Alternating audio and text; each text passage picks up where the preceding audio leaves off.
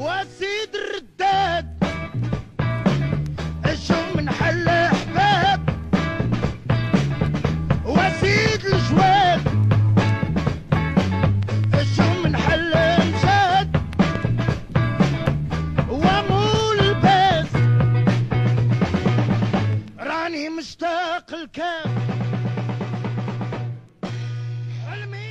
Ja, welkom bij ehm, ja, een tussenseizoen van Mokra Mafia Taxi Talk. Een, een special zou ik het willen noemen, denk ik. Het zijn, de, het zijn de donkere dagen tussen Sinterklaas en Kerst. Je zit lekker met een warm dekentje op de bank eh, te verlangen naar je volgende cadeaus. En dan alles wat je verder nodig hebt is een special van Mokra Mafia.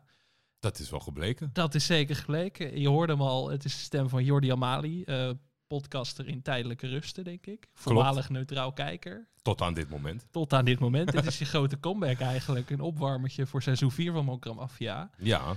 En daar hebben wij natuurlijk ook naar gekeken. Ja, en we hebben natuurlijk heel veel vragen gekregen van...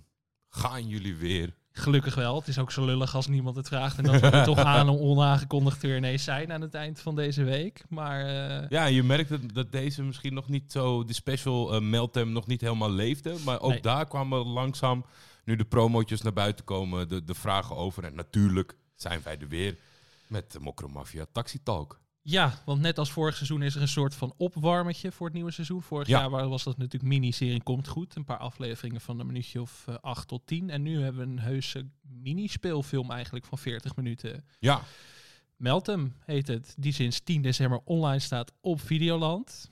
En ik stel voor dat we meteen maar los gaan barsten met de plot. Ja, of, of misschien nog even in de details. Dan hebben we de stats gelijk gehad. Want wat vond je, wat vond je van deze kijkervaring? We hebben natuurlijk... Ja, het was heel anders toen we eh, net begonnen. Want toen waren er al twee seizoenen geweest. En hadden we een heleboel rewatches. Allebei achter de rug. En dat voelde, komt goed. Ja, toch als een aanhangsel, zeg maar. Met die, met die Mhm. korte afleveringen.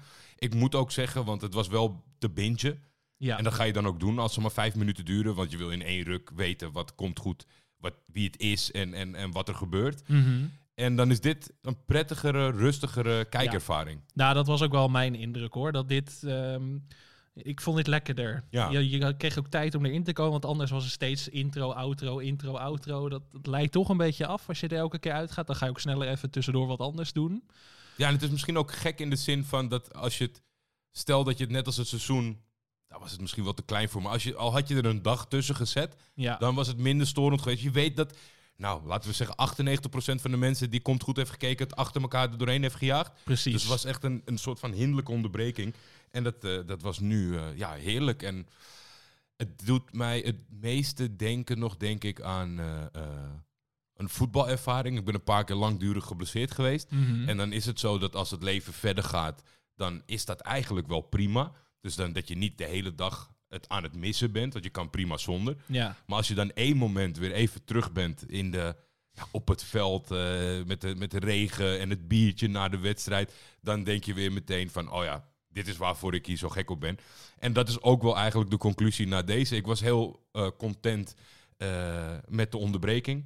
Ik keek uit naar het nieuwe seizoen. Mhm. Maar ik vind het nu wel irritant dat we moeten gaan wachten tot seizoen 4 begint. Want ik zit eh, redelijk hyped hier eh, We tegenover zijn heel je. lekker gemaakt, maar we moeten toch nog even wachten. De startdatum voor seizoen 4 is nog niet aangekondigd. Dat weten wij ook niet. Nee, Dus daar moeten we op wachten. Maar we zijn nu wel, eh, we zitten weer op de hype train. Maar deze hype train stopt ook weer na deze aflevering. En dan moeten we waarschijnlijk nog een kleine twee maanden wachten tot de Ja, seizoen 4 nou van start verwachting gaat. wel. Ik heb alle inside information die, eh, die mogelijk is. Eh, ik heb iedereen aan zijn mouw getrokken, maar niemand eh, liet wat los. Geen scoops in deze podcast helaas. Dat Ik denk nou toch, om alle de serie mensen te gaan afpersen, dat was me net weer een stap te ver. van we komen niet uit als jullie niet de, de startdatum geven. Nee, dat... Maar hoe mooi dat, dat ze beginnen met een knipoog naar ons. ja, ja. Scène 1. Er waren een paar momentjes in deze film dat ik dacht van ze hebben aan ons gedacht. Of in ieder geval aan jou gedacht.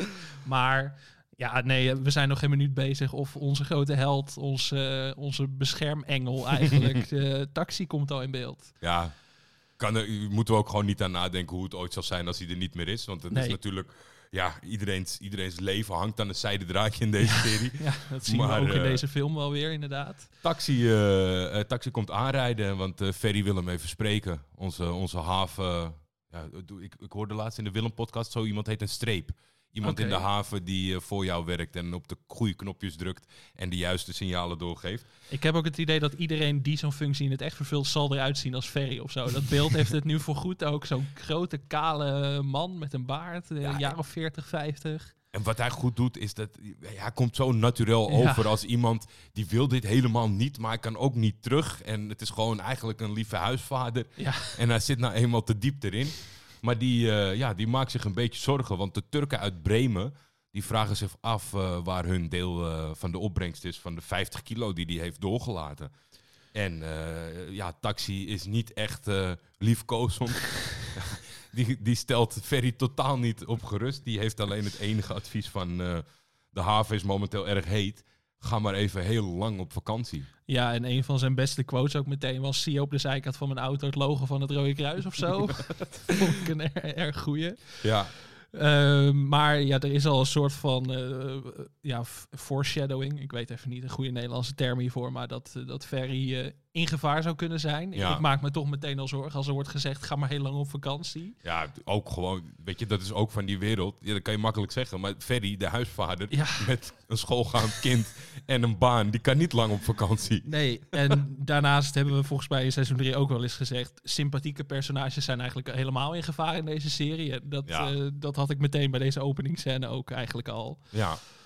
En daarna eh, eh, ja, komen we eigenlijk in een hele nieuwe situatie terecht. Eh, het wordt niet helemaal duidelijk wie we zien op dat moment nog.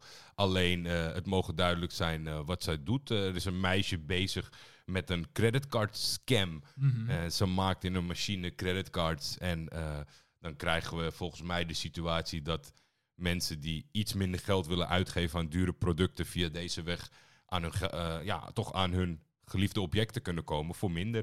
Dat is een meisje die gaat een, eh, volgens mij een Louis Vuitton tas halen. En eh, die kost 4000, die wordt met de illegale creditcard betaald. En de mevrouw voor wie de tas is, die zal de helft overmaken. Ja. En dat is een, eh, een goede, stabiele business in Volgens het mij scammen. prima. We hebben een prima verdienmodel. Zo, Ja. eh, zo zag het er in ieder geval uit. En eh, ze leeft ook goed. Nou ja, we leren dus dat eh, een van deze twee dames is Meltem. Ja. Onze eh, nieuwe hoofdpersoon eigenlijk. Mhm. Want eh, het is wel goed om dat nog even te benadrukken. Meltem wordt eigenlijk net als Komt Goed geïntroduceerd als een nieuw hoofdpersonage voor het vierde seizoen in Ja. deze film. En ja, we leren ook al snel dat deze Meltem zo haar eigen problemen heeft achter de business. Ja, en misschien is dat, eh, dat, ja, dat, dat komt natuurlijk gedurende de aflevering steeds meer naar voren. Zijn het wel haar problemen? Ja, op het moment, eh, eh, dat, dat zie je zeker in, in die culturen waar het dan in deze aflevering wat eh, veel naar de Turkse gelinkt is. Ja, zodra het je familie is, is het toch ook jouw probleem, ook al heb je er niet zoveel mee van doen. Ze wordt gebeld. Ze moet haar vader, die een paar tikken heeft gekregen, bij een busstation ophalen. En hij wil niet heel veel kwijt over wat er eh, fout is gegaan. Er zijpelt snel door dat het een meneer is met een gokprobleem. Een aanzienlijk gokprobleem. Hij is voor Galatasaray. Dat eh, zijpelt erdoor. Dan snap ik dat je je geld kwijtraakt op dit moment. Het zijn niet de goede seizoenen. Ja, dat En, was het eh, tweede moment waar ik, eh, waarop ik bij jou moest denken. Ja, en ja, dan krijg je toch wel de typische, de, de, de typische dialogen. Want eh, ja, dat, dat is natuurlijk breder dan, dan deze specifieke cultuur. Maar ja, als kind belerend naar je ouders toe, dat, dat geeft altijd frictie. Want hij wil het allemaal zelf wel oplossen. Aan de andere kant komen er vrij rap achter dat het om een ton gaat. En Ja. dat hij niet zo heel veel geld heeft eh, op het moment. Dus dat, ja, hij, hij kan wel zeggen dat hij het zelf gaat oplossen. Maar ja, zij grijpt in eh, als natuurlijk ook iemand die het eh, grijze gebied of het zwarte gebied bewandelt. wil zij helpen. Ja, wat ik hier een beetje bij had, was dat ze heel erg gepositioneerd wordt. Een beetje als, als de opvolger van Nadira. Die we natuurlijk zijn kwijtgeraakt aan het eind van seizoen 3. Die Ja. natuurlijk ook een beetje tegen wil en dank door haar familie werd meegesleept in dit circuit. Nou is Meltem natuurlijk al wel iets verder. Die draait de hand ook niet om voor wat, eh, nou ja, misschien iets, iets eh, meer onschuldige scams Ja, in de aflevering. Maar die hele familiethematiek en met de vader die nog voor extra problemen zorgt. Dat, eh, nou, daar, zo wordt zij een beetje gepositioneerd. In ieder geval voor seizoen 4 had Ja. ik het idee. ik denk ook wel interessant om te kijken waar ze voor kiezen. Want je zou natuurlijk heel makkelijk eh, kunnen uitkomen uiteindelijk in een soort van herhaling van zetten van Ja. een redelijk passief iemand die, alhoewel, ja, ik, ik, ik, ik voorzie toch een soort van andere, toffere nou, ik weet niet of het toffer is, maar een andere manier waardoor ze het goed doen dat Nadira Nadira blijft. Want die heeft natuurlijk echt een soort van persoonlijk leed wat bij haar een knopje om doet Precies, en die begon natuurlijk heel onschuldig. Ja. En die had niet zoveel te maken met de familie en met de broertje verder. En die was eigenlijk een, een voorbeeldkind. Terwijl inderdaad Meltem al iets meer... Ja, maar ik hoop dus dat, niet, dat zij niet zo'n moment krijgt waarvan de knop omgaat en dat ze dan een soort van eh, eh, ice cold eh, killer bitch wordt. want dat hebben we met Nadira gehad en dat is goed. En dat is, ja, deze meldt hem eh, gewoon, eh, ja, hoe, zou je dat, hoe moet je dat zeggen? Eh, past bij deze criminele wereld, dan, dan ben ik benieuwd hoe, hoe, ze, hoe ze daar invulling aan gaat geven. Zeker. Nou ja, e- even later zien we haar overleggen met haar partner. Het is de vraag van, kunnen we niet een ton uit ons bedrijfje halen? En toen eh, haar vriendin, of haar businesspartner eigenlijk, die zei, we hebben geen ton, alles wat we hebben is crypto. Ja. Toch ook een teken van de tijd. Ik bedoel, Ja, ja, Mafia kan nooit om de actualiteit heen. En dat, eh, Het kan zo zijn dat ze nu een ton hebben en morgen niet meer. Dat Nee. is een beetje het gevaar van de crypto natuurlijk. Maar eh, nee, dat mogen duidelijk zijn. En, en omdat dat eh, niet voorhanden is, maar ze hebben het toch vrij rap nodig, gaat zij op familiebezoek in, in Düsseldorf, Duitsland. En dan komen we in een loesje bordeel ja, waar ze eh Umer Abi gaat opzoeken. En eh, ja, dat is eh, een familie van haar, zal later blijken. Ja, en ze doet hem eigenlijk een soort businessvoorstel van hey, al die creditcards die ik maak, van dit is eigenlijk ook de toekomst voor jouw bedrijf. Ze Ja. wijst hem ook op dat hij eigenlijk alles nog op de oude manier doet. Dus Ja. mensen afpersen voor wat kleingeld noemt ze het volgens mij. Was ook letterlijk wat ik op, opschreef. Achter Umer stond eh oldschool. Ja, En eh, er staat nog een jongen in, in, in het kantoor en dat is Umit en dat is zijn jongere broertje. En die eh, gaat dan ook op het moment eigenlijk dat als hij het businessmodel afslaat omdat hij het niks vindt, hij wil het gewoon tastbaar hebben, echt van die klassieke opmerkingen. Het liefst wil hij gewoon iemand eh, doodschieten. En Ja. niet, eh, niet- het gelul met pasjes. En eh, hij zegt volgens mij op een gegeven moment, het liefst zou hij met paard en wagen heroïne halen in Turkije en hier naartoe brengen. Zo klassiek is hij. Maar Umit, de jonge, flamboyante gozer, die heeft wel oren naar het plan. ja en dat levert nou ja, een, ehm, nou ja, een soort verbondje op, van korte duur in ieder geval. Ja, Er wordt trouwens in dat gesprek, in dat gesprek met die oom, oom neef. Eh, ja. In, in, het, eh, in, in dat gesprek is nog niet helemaal duidelijk. Want er wordt zometeen nog iemand geïntroduceerd en dat is echt haar oom. Ja, En ik weet nou nog niet wat Ummer van de oom is. Eh, was, ik weet niet of het zijn zoon is.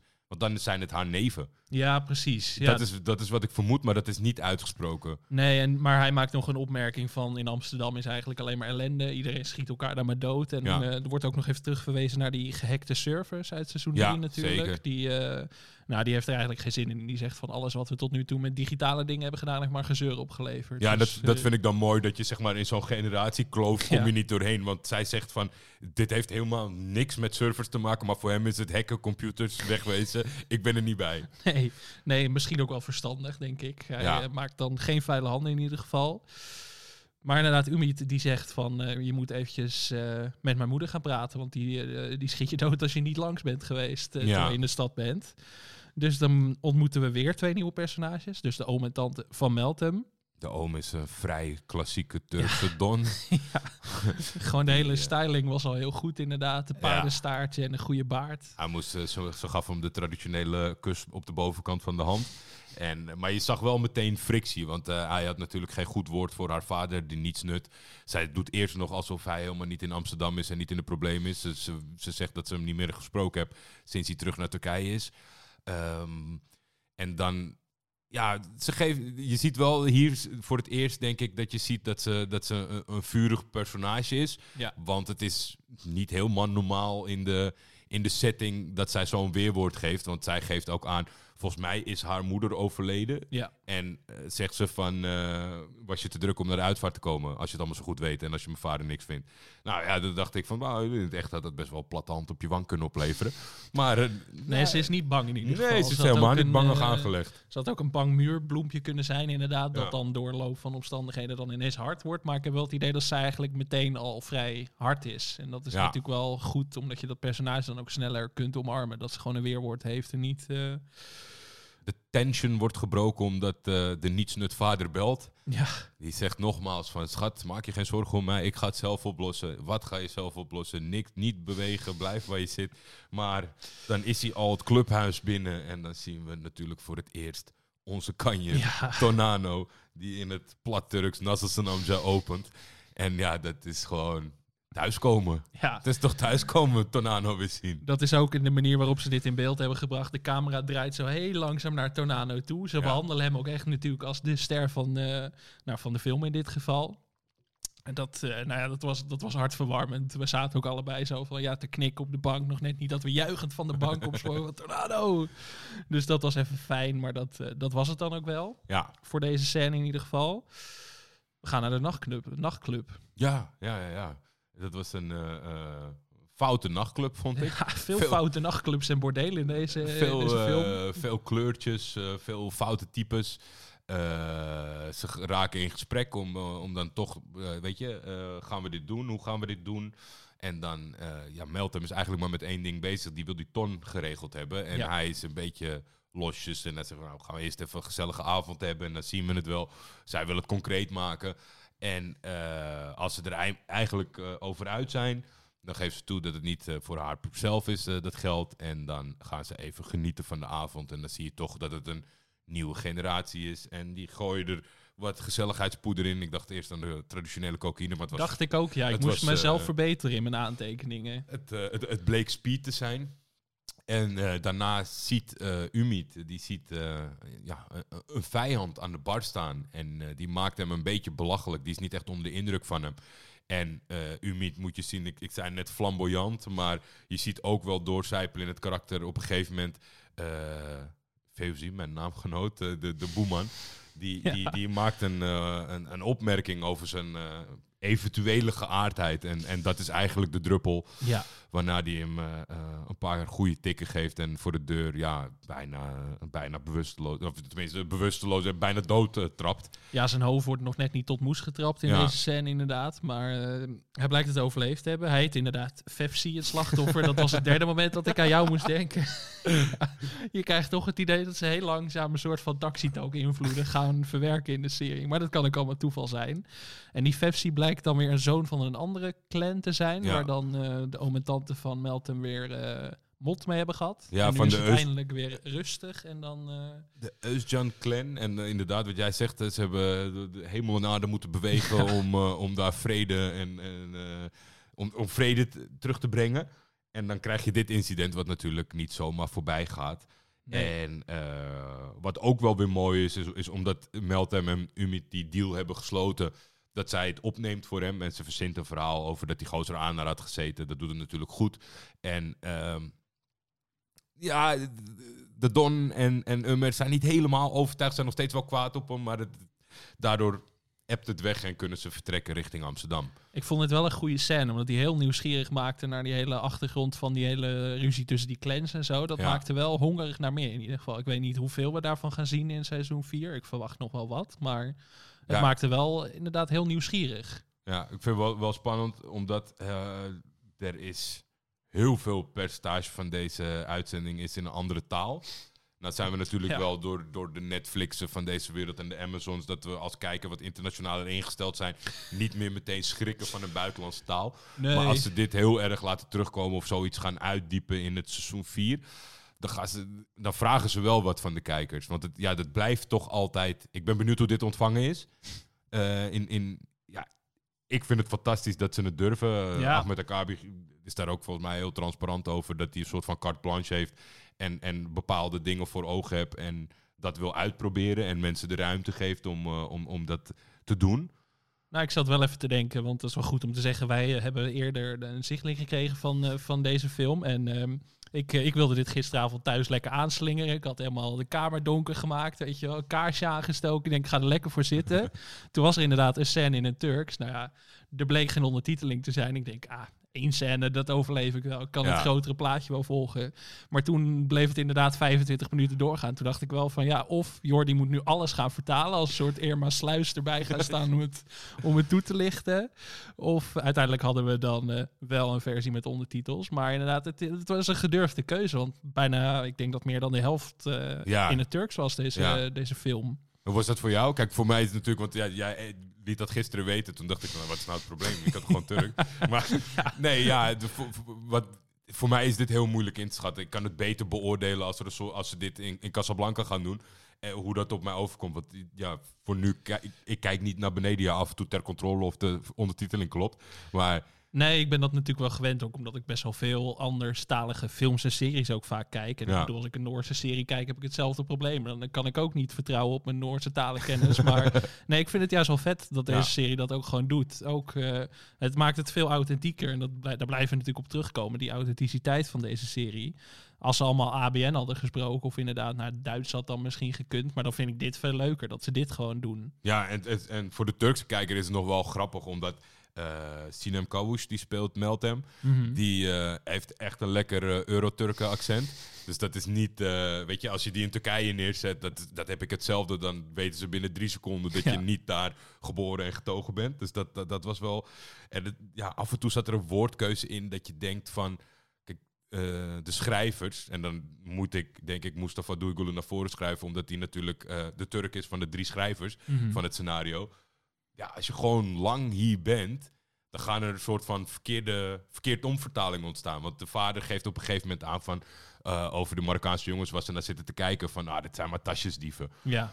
Maar dit, ja, ik ben volgens mij, ik heb het ik heb het nog niet kunnen opzoeken, maar volgens mij in het Turks heb je dat helemaal niet, een tasjesdief. Dat is geen woord, zeg maar. Mm. Maar die zat er wel letterlijk vertaald in, zeg maar, als gewoon in het Turks tasjesdief. Dus dat, er waren wel wat grappige momentjes. Maar globaal gezien, vooral de, vooral de Duitse Turken, die eh, vond ik eh, erg authentiek en goed. Zeker. En ik vond het dus gewoon bijdragen aan die spanning, aan die personages. Als ze inderdaad gewoon, ja, hoe heet dat? ABD, Algemeen Beschaafd Duits hadden gesproken, dan was dat toch, toch net iets anders geweest, denk ik. Ja, we hebben heel, heel zijpad bewandeld. Ja. Maar even kijken. Eh, het oude zeer. eh, ik Meltem en eh Umit gaan naar Amsterdam. Ja. Ik had toen even een hartje getekend bij, eh, bij een snelwegshot. Ja. Ik, eh, ik, ik, ik, ja, dat vind ik toch ook mokromafia. Ja, En dat zal in heel veel series en in, in films gebeuren. Maar er zijn altijd gewoon even tussendoor een mooi snelwegshot. Daar hou ik van. ja je, je kan het er heel makkelijk uitknippen, maar dat, dat, dat, is ook een soort van thuis. Ja, en voor mij was het ook, eh, ook een soort van nostalgisch momentje na die fantastische scène dat de bodyguard en, en Paus samen in de bus zitten. Ja, Weet je ja. dat gesprek, weet je dat nog? En dat, Ja. dat, dat was ook zo, dat ging van in die bus naar de, overview van de weg. En ja, dat was, ik weet niet, eh, heel raar, maar ik, ik bij het snelweg, ik heb ook alleen opgeschreven snelwegshot. Je bent gewoon nostalgisch voor snelwegshots eigenlijk. Dat is waar het op neerkomt. Ja, Eh, ja, Meltem en Umit gaan dus naar Amsterdam. Eh, Umit moet onderweg nog even kotsen, want, eh want Meltem rijdt blijkbaar heel hard. Ja. Dat vond ik ook wel geestig. Ze komen in het huis van Meltem, waar dus ook haar businesspartner woont, die daar met een andere dame op de bank ligt. ja, En zij eh, instrueert Umit eh, om zich te gedragen. En ze spreekt ook gelijk haar businesspartner even streng toe van je mag hier niemand mee naartoe nemen. ja. Wat die, natuurlijk wel ironisch is, omdat ze zelf met iemand binnenkomt. Maar eh, er zat er ook weinig boodschap aan, want het enige wat ze drie keer zei is, I'm living on the edge. Ja. en al het geld of alle, alle, alle middelen die ze hebben lagen achter slot en grendel. Maar ook, de, ook haar businesspartner leek me al een personage wat wel terug gaat komen in seizoen 4 in ieder geval. Dat lijkt me een iets eh ongeleide projectiel dan Meltem is. Ja, Dus dat zou nog voor problemen kunnen gaan zorgen. Maar dit is alles wat we zien, want zij gaat met haar vriendin volgens mij naar het Okura Hotel, eh, ja naar de business lounge junior of business zo. Ja. eh, suite. Suite. ze gaat de, de, ja, ik wou zeggen eerlijk verdienen, maar dat is het niet. De verdiende geld spenderen op een mooie luxe kamer. Daar was eh, ik in meteen heen gegaan eigenlijk in plaats van dat fletje. Maar Ja. dat, eh, nou ja. Eh Meltem wordt eh, weggeroepen. moet de deur uit en dan eh, mag Umit zich vermaken met de PlayStation. Ja, En ja, het zijpelt toch al snel naar voren dat Umit, net als de vader van Meltem, een probleem heeft. In zijn geval een drugsprobleem. Mm. Want die gooit er nog even wat door de neus als hij een potje gaat vechten op de PlayStation. Dat vond ik wel heel, heel fanatiek om dat te doen. En ja, hij zag er heel vredig uit op de bank PlayStation. Met toch een flinke kegel. Ja, nee, het zag er inderdaad een soort jaloersmakend uit. Dat is meer dan inderdaad de chill factor met de PlayStation. Ik wil je niet eh, insinueren dat ik eh, behoefte heb aan een, aan een gram speed in mijn neus. Maar eh, ja, want Meltem is weggeroepen. Die moet naar haar vader. Ze Ja. gaan naar de geelroom. En haar vader is eigenlijk wel opgelucht. Die voelt zich goed. Die heeft geld geleend van Tornano. Typische gokker. Een goede gokker. gemaakt. Ja. en eh, nou ja, Meltem is natuurlijk bezorgd. Maar hij, hij, spreekt er ook streng toe van ik ben nog steeds je vader. Dus je mag niet zo'n toon tegen me aanslaan. Die bal gaat ze vrij hard terug door te zeggen van gedraag je dan ook eens als, een vader. Ja, keihard. Ja, En ehm, dan, dat brengt ons ook bij een van de andere grappigste quotes in deze aflevering. Dat is dat de vader van Meltem op een gegeven moment eh, over Tornado spreekt. En dan heeft hij het over een of andere arrogante Marokkaan die denkt dat hij Corendon is. ja een goede, goede kruisbestuiving tussen de Turken en de Marokkanen. Want voor de rest, eh, ja, ik, ik weet ook niet of in de Turkse gemeenschap eh, het CEO zijn van Corendon zeg maar hoog op de lijst staat van eh, eervolle banen. Maar ja, het is wel het is, het is een duidelijke referentie. Dan, ja, ik moet, ik, weet je wat ik dan gewoon wel echt sterk vind, is die, als je dat karakter neerzet van die vader, dat je gewoon er zit daar gewoon iemand met een gokprobleem. Want zijn oplossing voor alles is, hij heeft dus kunnen regelen met Tornado. Ik pak je, het- ik leen van jou het geld, daar betaal ik mijn schulden mee. Maar daar stopt het niet, want ik wil nog extra lenen, want die ga ik inzetten. En als ik dan win, dan heb ik iedereen terugbetaald. En dat gebeurt dus nooit. Maar ja, dat kan je de gokker niet vertellen. En dat, ja, weet je, die, die, eh, dat speelt, hij speelt gewoon overtuigend de gokverslaafde. En er is over nagedacht over wat de Zeker. problematiek is van, van, van de gokverslaafde. Ja, en ook die stemmingswisseling inderdaad. Van, Ja. eh, van de totale ontreddering als hij een beuk heeft gehad in de eerste, een van de eerste scènes. En hier vol zelfvertrouwen doet alsof hij het allemaal op een rijtje heeft. Maar Melton fluistert hem in. ehm, ik ga het regelen, maar het is het laatste wat ik voor je doe. Wil Dat, je nou nooit eh, meer zien. Dat vraag ik me af of dat eh, mogelijk is. Ja. Want als je inlaat met Tornado, dat lijkt me geen hele fijne man om geld bij te lenen. Ik ken fijnere banken. Ja, banken ja, zijn natuurlijk niet heel fijn, maar als je dan toch een eh, bankmanager moet hebben, zou ik niet per se voor Tornado eh, gaan. explosieve bank is het, een explosieve bank. Dan krijgt eh eh, Umit een, of Umit stuurt zelf een, een, een berichtje naar ene Zaffer en die vraagt van, wij kennen toch wel wat mensen in Amsterdam. En dan komt hij in een dunnerzaak en daar zien we een bekende. Want ik, ik, hierdoor ging ik een beetje twijfelen van waar zitten we precies op de tijdlijn. Want deze bekende, dit is de, de mislukte eh huurmoordenaar Ja, die het steeds niet lukt. Nee. die, eh die door Mode Show wordt geboekt. Met, ja, toch wel, ik moet zeggen, een smerig staartje. Ja, En een die, heel smerig staartje. die moet hem eerst, waarvoor ik uiteindelijk al dacht van, nou weet je, dit is, het wordt heel erg uitgelicht dat een drugsverslaafd is. Hij wil drugs hebben en dit jongen eh, merkt terecht op van, eh, zo, eh, enthousiast, want hij, hij graait er met zijn sleutels in. Mhm. Maar daarna vraagt hij ook om een, om een wapen. En Ja. of dat schoon is. En dan geeft hij hem wat centjes. En hij zegt, als je nou het dubbele van dit wil verdienen, dan moet je iemand voor me vinden. Dat blijkt zo gepiept, want dan staan ze ineens bij Ferry in de straat. In de Phoenixwijk. En dan eh, zien we Ferry al lopen met zijn Deentasje. Dat is toch ook, daar, daar ging mijn nostalgiefactor eh, op spelen. Want Deen is natuurlijk de supermarkt die onlangs eh ter ziele is gegaan. Ja. Bestaat niet meer. Dus dit Nee. was ook eigenlijk meteen een soort... ja, Ripdeen. ja, misschien eh, antiek. Zo'n Deentasje, dat is nu een collectors item. En hier, eh, eh, dit was de tweede keer dat ik me heel veel zorgen over Ferry begon te maken. Ja. En hier dacht ik eigenlijk al van, eh, ik denk dat Ferry het einde van deze film niet gaat halen. Dan zien we nog een gekke scène dat de Umid laat zich oraal bevredigen in een container. ja, Gekke scène. gek. Geen Ja. context. Nee. Nee, ik weet ook niet waarom die nou nodig was per se, die scène. Meer om nog een keer zijn losbandigheid te, te, tonen. Erg Ja. expliciet inderdaad. Ja, Ja. dat, dat maakt me normaal niet zo uit. Maar ik dacht zo van...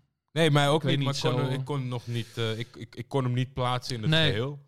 Nee, misschien ja, toch om die losbandigheid nog extra te benadrukken. Dat heb ik opgeschreven. Maar voor de rest dacht ik van... Volgens mij weten we dat wel. Ja. van zijn speedverslaving. Maar goed. En dan, eh, vooral omdat even later zien we Meltem en Umid met Ferry alsnog. Dus Ja. je denkt van je had meteen door kunnen snijden bijna, bij wijze van spreken. Dat kon dus niet. Eh, ze gaan Ferry confronteren met de 50 kilo die verdwenen is. ja. Zit te bedenken, moest het niet misschien daardoor even tussendoor Ja, pijpen, naar huis gaan, warrig en dan het geld gaan halen. Zodat Ja. het niet meteen van met de huurmoordenaar posten en uitstappen. Want Meltem moest erbij zijn. ja, dat is waar. Ja, dat was eh, chronologisch dat niet geklopt. Ja, natuurlijk. en dan heb je toch zoiets van, je bent in Amsterdam, dus dan moet je er ook een cliché, pijpscène in, moet ja. een cliché in rammen, want eh, we hebben nou eenmaal de Rosse buurt. En daar is, ik heb even, nee, ik heb niet opgezocht, want uiteindelijk kwam het op de aftiteling. Umid, niet, bij mij niet bekend in het echte leven eh, onder Oktay Under. Hier overtuigde hij mij wel heel goed. Ik vond het een, goed karakter, flamboyant, eh, goed geacteerd. Maar hier, als doorgesnoven psychopaat, ging hij wel echt even... Want ja, hij is erg geagiteerd richting Ferry. Ferry, ja, wij weten... Kijk, wij kennen Ferry. Wij hij hebben een niet. band met Ferry. Ja, ja. wij weten dat Ferry niet liegt. En die weet gewoon echt even niet eh, Nee. wat er met die 50 kilo is gebeurd. En met de resterende delen. Ferry dacht dat de pauze het zou gaan afhandelen. Ja, En, ja moet je ook... Ja, het is wel stom, Ferry. Ja, dat is wel, het is wel heel naïef. Als drie seizoenen Mokkelmafia iets geleerd hebben, is het van... Ik zou gewoon niemand vertrouwen. Volgens mij is dat Ferry zijn huis ook te koop. Dus Ja. misschien dat hij wel bezig was met zijn lange vakantie. Ja, Had hij maar even moeten opschieten. Ik was meteen naar, eh, naar Bonaire of Curaçao maar gegaan, denk ik, om er vanaf te zijn. Want ehm, ja, had nog een beetje grijpstuivers liggen. Daarvoor neemt Ja. hij ze mee naar, de, naar, zijn, naar zijn externe berging. En dan eh, openen ze de tas. En dat is eh, niet helemaal wat ze voor ogen hadden. Want ik denk dat 50 kilo een straatwaarde heb van een paar honderd miljoen. En het was een, eh, toch een, een kleine bodem in een tasje. ja, maar En- goed. ehm, dit is ook Mokkelmafia. Ja, Ik bedoel, het is geen Mokkelma- ja, aflevering, noem ik het maar eventjes. Zonder Mhm. dat er iets gebeurt waardoor we toch eventjes denken van... Godverdomme, ze doen het weer. ja. Want Ferry wordt eh, nou, vrij ruksigloos door zijn kop geschoten. Ja, nee, er gaan niet eh, ellenlange discussies Nee. aan vooraf en geen Nee. dreigementen. En dat is ja, op zich wel. eh, je schrikt, je baalt voor Ferry. Aan de andere kant is het, weet je, als je hem zo opgefokt in die scène neerzet. Ja, dan was dit toch wel een beetje te verwachten. Ja, het was ook geen shock in die zin. Het zou gekker zijn als hij het overleefd had. Maar het, was toch, het is toch altijd deze serie treintje in die zin ook weer. Weet je wel, na, na seizoen 3 waren we wel wat gewend, denk ik. Ja. Ja. vooral naar Joey natuurlijk. Ja. Maar toch, eh, ja, ik, ik, ik, ik hield wel van Ferry op een bepaalde manier. Ik vond het een fijn bijpersonage. Ja, dat af en precies. toe even opdook. Ja, en dat, dat is ook gewoon eh, precies goed en hoe, die, hoe, hij moest zijn, hoe hij moet zijn, Ja. zeg maar. Omdat, stel dat hij belangrijk gemaakt wordt, denk ik, ja, weet je, dan, daar is hij te suf voor. Maar Ja. gewoon dat hij een beetje in de ronde loopt en helpt. Ja, eh, zoals je zegt, eh, eh, niemand heeft het eeuwige leven. Zeker in deze serie niet. Nee. Dan gaan ze nog een beetje de andere kant op. op ja, misschien mooi dat het in de special is. Mis- misschien voelt hij zelf alsof dat hij misschien in de volwaardige serie liever ten onder was gegaan. Ja, misschien was hij er wel gewoon uitgeschreven geweest. Hadden ze iemand anders in de, in de haven neergezet. Ze hadden hem ook heel makkelijk een, inderdaad eh, nooit meer kunnen laten terugkomen. ja, het want- is een mooi, eh, mooi vol einde, denk ik, voor Ja. Ferry. En we, we zullen hem missen. Zeker. Dus nou, toch even een monumentje voor Ferry eh, in Ja. deze aflevering. Ja. En het, eh, nou ja, het, eh, laat maar weer zien dat Umid gewoon een ongeleid projectiel is en een gevaar voor zijn omgeving. Want je ziet Meltem ook kijken van, eh, wat heb ik nou aan mijn fiets hangen, om het Ja. even zo te zeggen. Dat is de volgende stap in, in zeg maar, de wereld van Meltem die je te zien krijgt van... zij had gewoon haar core business, wat misschien niet legaal was, maar wel rustig. Ja, En zonder eigenlijk het te willen zit ze nu vuistdiep in, in gigantische problemen met de, met de mokromafia van Amsterdam. Eh, ze heeft iets eh eh, zometeen uit te leggen aan Duitsland. ja. En dan heb ze de vader die eh, bij Tonano op bezoek is geweest. Is ja, eh, in, in, in toch wel eh, één eh, special. eh heb ze, een heel groot, heb ze een heel groot rijtje problemen ineens in haar leven. veel build-up naar seizoen 4 in ieder geval. Want ze gaat ook nog langs bij Tonano in de scène die hierop volgt. Ja. Ze gaat En, geld eh, inleveren. Ja, Zij dacht dat dat eh, afgemeten goed was. ja, dat was het dus niet. Nee. Want eh, er was extra rente gerekend. Volgens mij 30 procent. Ja. Flinke tarieven bij Bank Tonano. Ja, Maar dat had de vader blijkbaar zelf eh, nog maar gezegd. Van ah, als het goed gaat, dan doe ik er 10% bovenop. ja, nee, ja dat is toch wel een, een groot probleem als je toch eh, je, je kop op het hakblok legt eh, voor je vader. Ja. En dat hij dan eh, op het moment dat Tornado zegt, ja, je mag het lenen, maar voor 20% dat hij zegt, nou joh, doe 30. ja. Heel coulant eigenlijk nog wel. En Melter begint nog met als mijn vader nog één keer bij je aanklopt voor geld, moet je hem gewoon de deur uitschoppen. Nou ja, dat, dat, eh, dat doet Tornado natuurlijk niet. Nee. En hij bedreigt daar ook nog even van. Ik krijg 15 eh, voor jou voor elke keer dat je te laat bent. En anders eh, mag je met Cinco naar de, de Van de Valk. Ja, het klonk ook Ja. niet als een heel aantrekkelijke oplossing. dat- Nee. volgens mij eh, had Meltem daar niet veel zin in. Snap ik, snap ik. Eh, we gaan weer eventjes terug naar Umid, die er, er behoorlijk slecht aan toe zijn, eh, blijkt te zijn. Ja, OD'd op de bank. Ja, nou, er werd eerder al een opmerking gemaakt eh, door, door, de, door de falende huurmoordenaar van eh, wil je naar de maan, baba? En eh, nou, het lijkt erop dat hij een paar scènes later inderdaad naar de maan is gegaan. Want het Ja. hele zakje speed is al leeg. Vond ik een hele prestatie, want het waren volgens mij drie volle bussen poedersuiker qua ja, inhoud. dat was, dat was zeer shocking. Doe dit thuis niet na, zou ik nog willen zeggen tegen de luisteraar. ik had misschien nog wel zelfs bij het formaatzak dat ik dacht van, tikkeltje overdreven. Ja, Weet je, dit, dit, dit was, dit was wel echt gewoon heel veel. Voor een familiezak oliebollen, zeg maar. ja, dat had ook afgekund met maar de- daar geven ze altijd te weinig. Dus dan was dit wel een goede, goede compensatie. compensatie. Ja.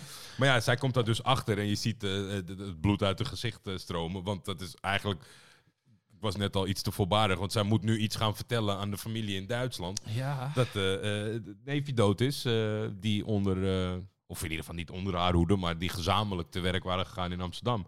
Maar uh, Melton verzint wel een plan. Ze belt dan meteen haar vader, die haar dan wel uit de brand komt helpen, toch nog. Ja, En het lijk eh, van Umid op te ruimen.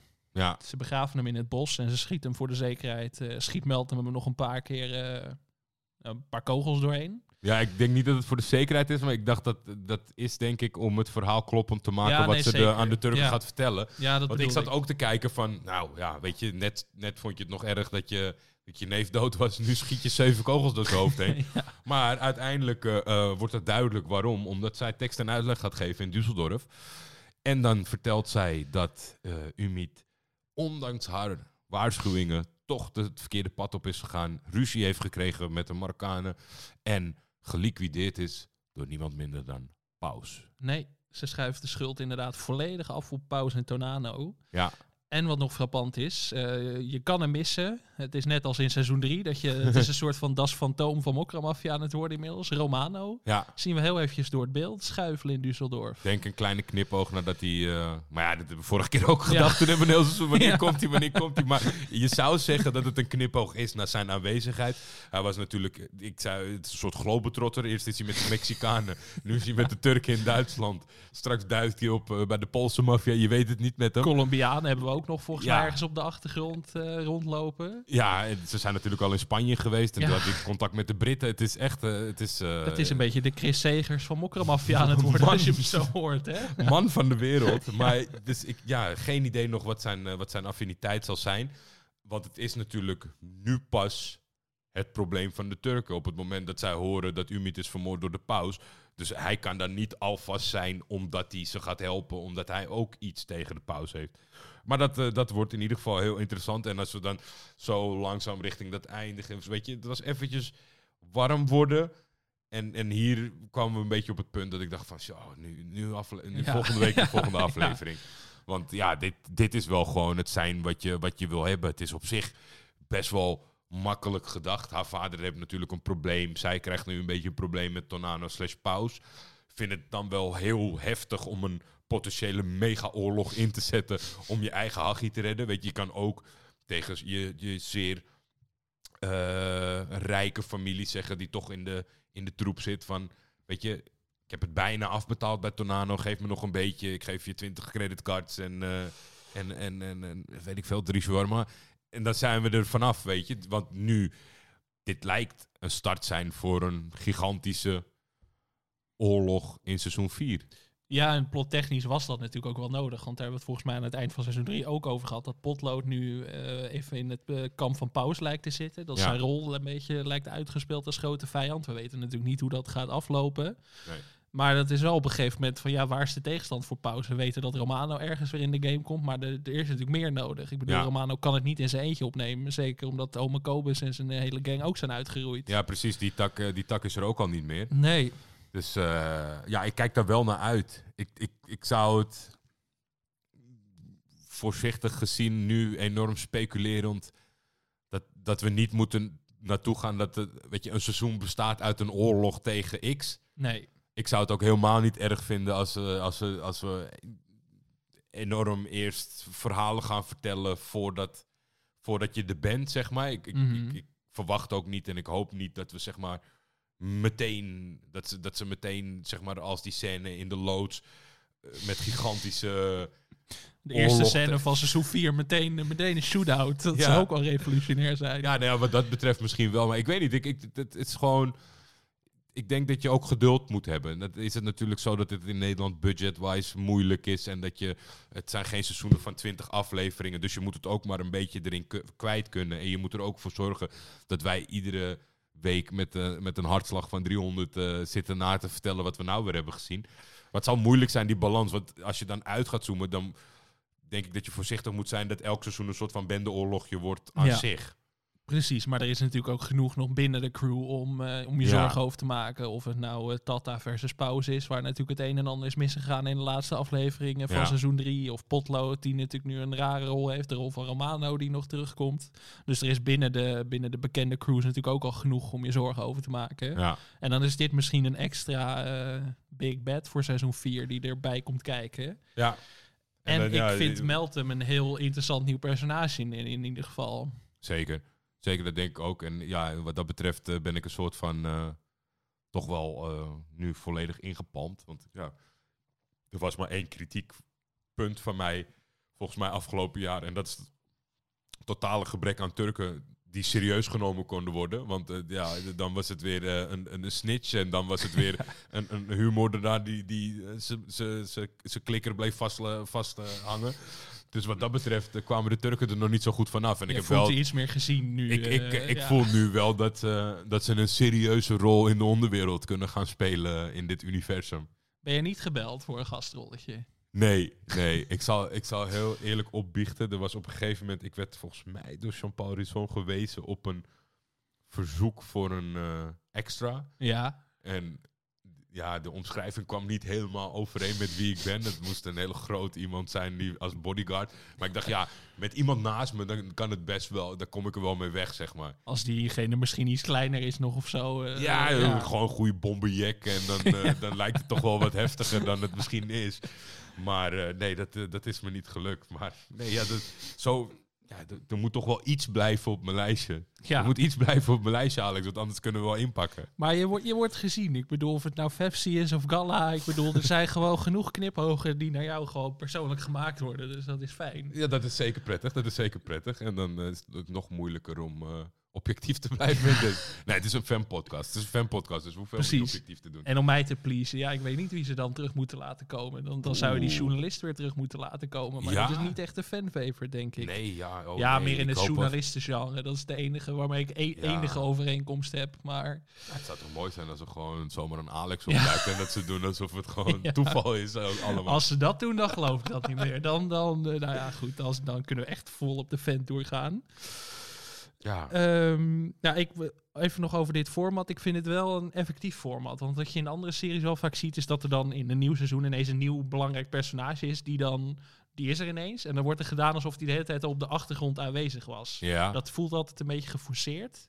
Ja. Of het gaat in een lopend verhaal heel veel tijd opslokken om diegene neer te zetten. Precies, en dat vind ik ook, dat leidt altijd heel altijd af van, van de hoofdlijn van, van de serie of film, bij wijze van spreken. En dat vind ik wel goed aan dit format, dat ze met Komt Goed eerder hebben gedaan. Dat ze even de tijd nemen om diegene goed neer te zetten, zonder dat dat heel geforceerd in die zeven afleveringen van 40 minuten mo- moet worden gepropt. Ja. Dus dat, eh dat ik hoop dat goed we iets werken. meer krijgen. Ik, ik, ik kan het me haast niet voorstellen, maar ja, gezien het succes, het is natuurlijk eh, eh, ja, vorig jaar vrijwel meteen na de serie vielen de berichten over elkaar. Het aantal abonnees van eh, Videoland groeiende, prijzen, nominaties. Je zou toch zeggen, ja, misschien wil de makers het ook niet, hè, maar je zou toch zeggen van.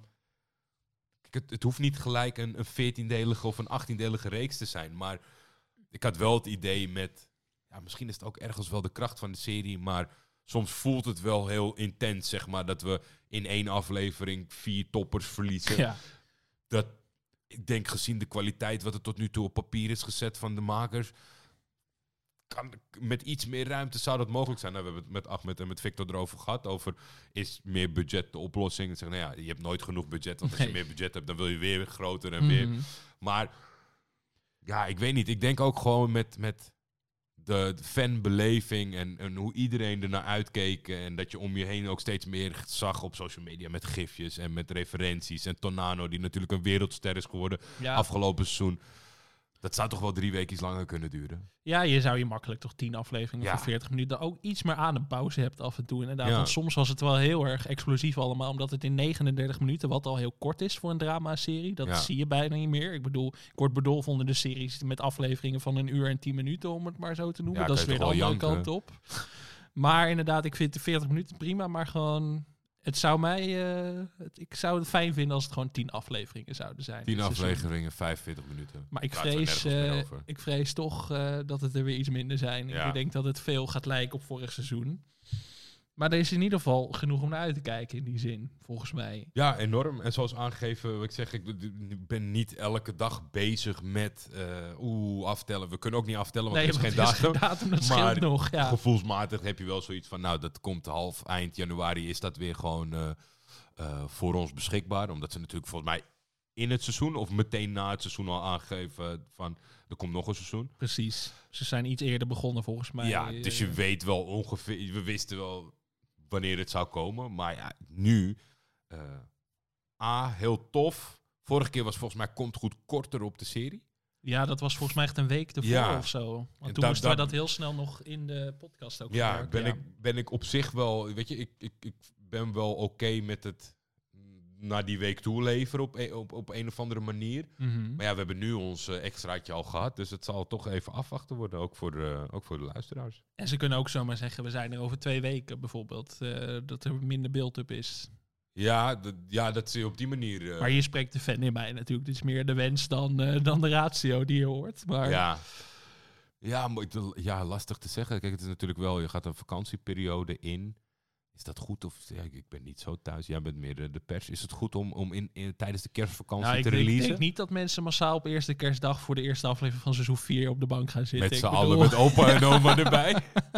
lekker kalkoenetje eten en dan lekker mokro Ja, af. Ja, volgens kijken mij, met mijn opa en oma kijken volgens mij Ja? wel. Ja, die kijken alles. Maar die, die, hebben vrij recent een, een Turkse serie gekeken. Het zijn mijn Nederlandse opa en oma van Mhm. 153 afleveringen, Jeetje. geloof ik, op Netflix. Nou, daar hebben, ze, daar hebben ze niet super lang over gedaan, kan ik je vertellen. De keiharde bingers gewoon in Dat de zijn echt familie. eh, ja. ou- oude bingers zijn het. Nee, maar ik zie het, eh, ik denk januari dat we daarop moeten inzetten en op moeten hopen. Ja, misschien wel net als we allemaal in die opstartfase zitten van oh, nieuwjaar, eh, donker, nog even koud. eh, Ja, nog dan- even in die illusie dat je gaat alleen- afvallen en dat soort dingen. En dat je dan gewoon weer aan het eind van de maand met een zak chips donderdag nog eh. Mafia kunt gaan kijken. En cola inderdaad, ja. Ja, ja het, is- het is toch heel gek, maar het, het was zo'n...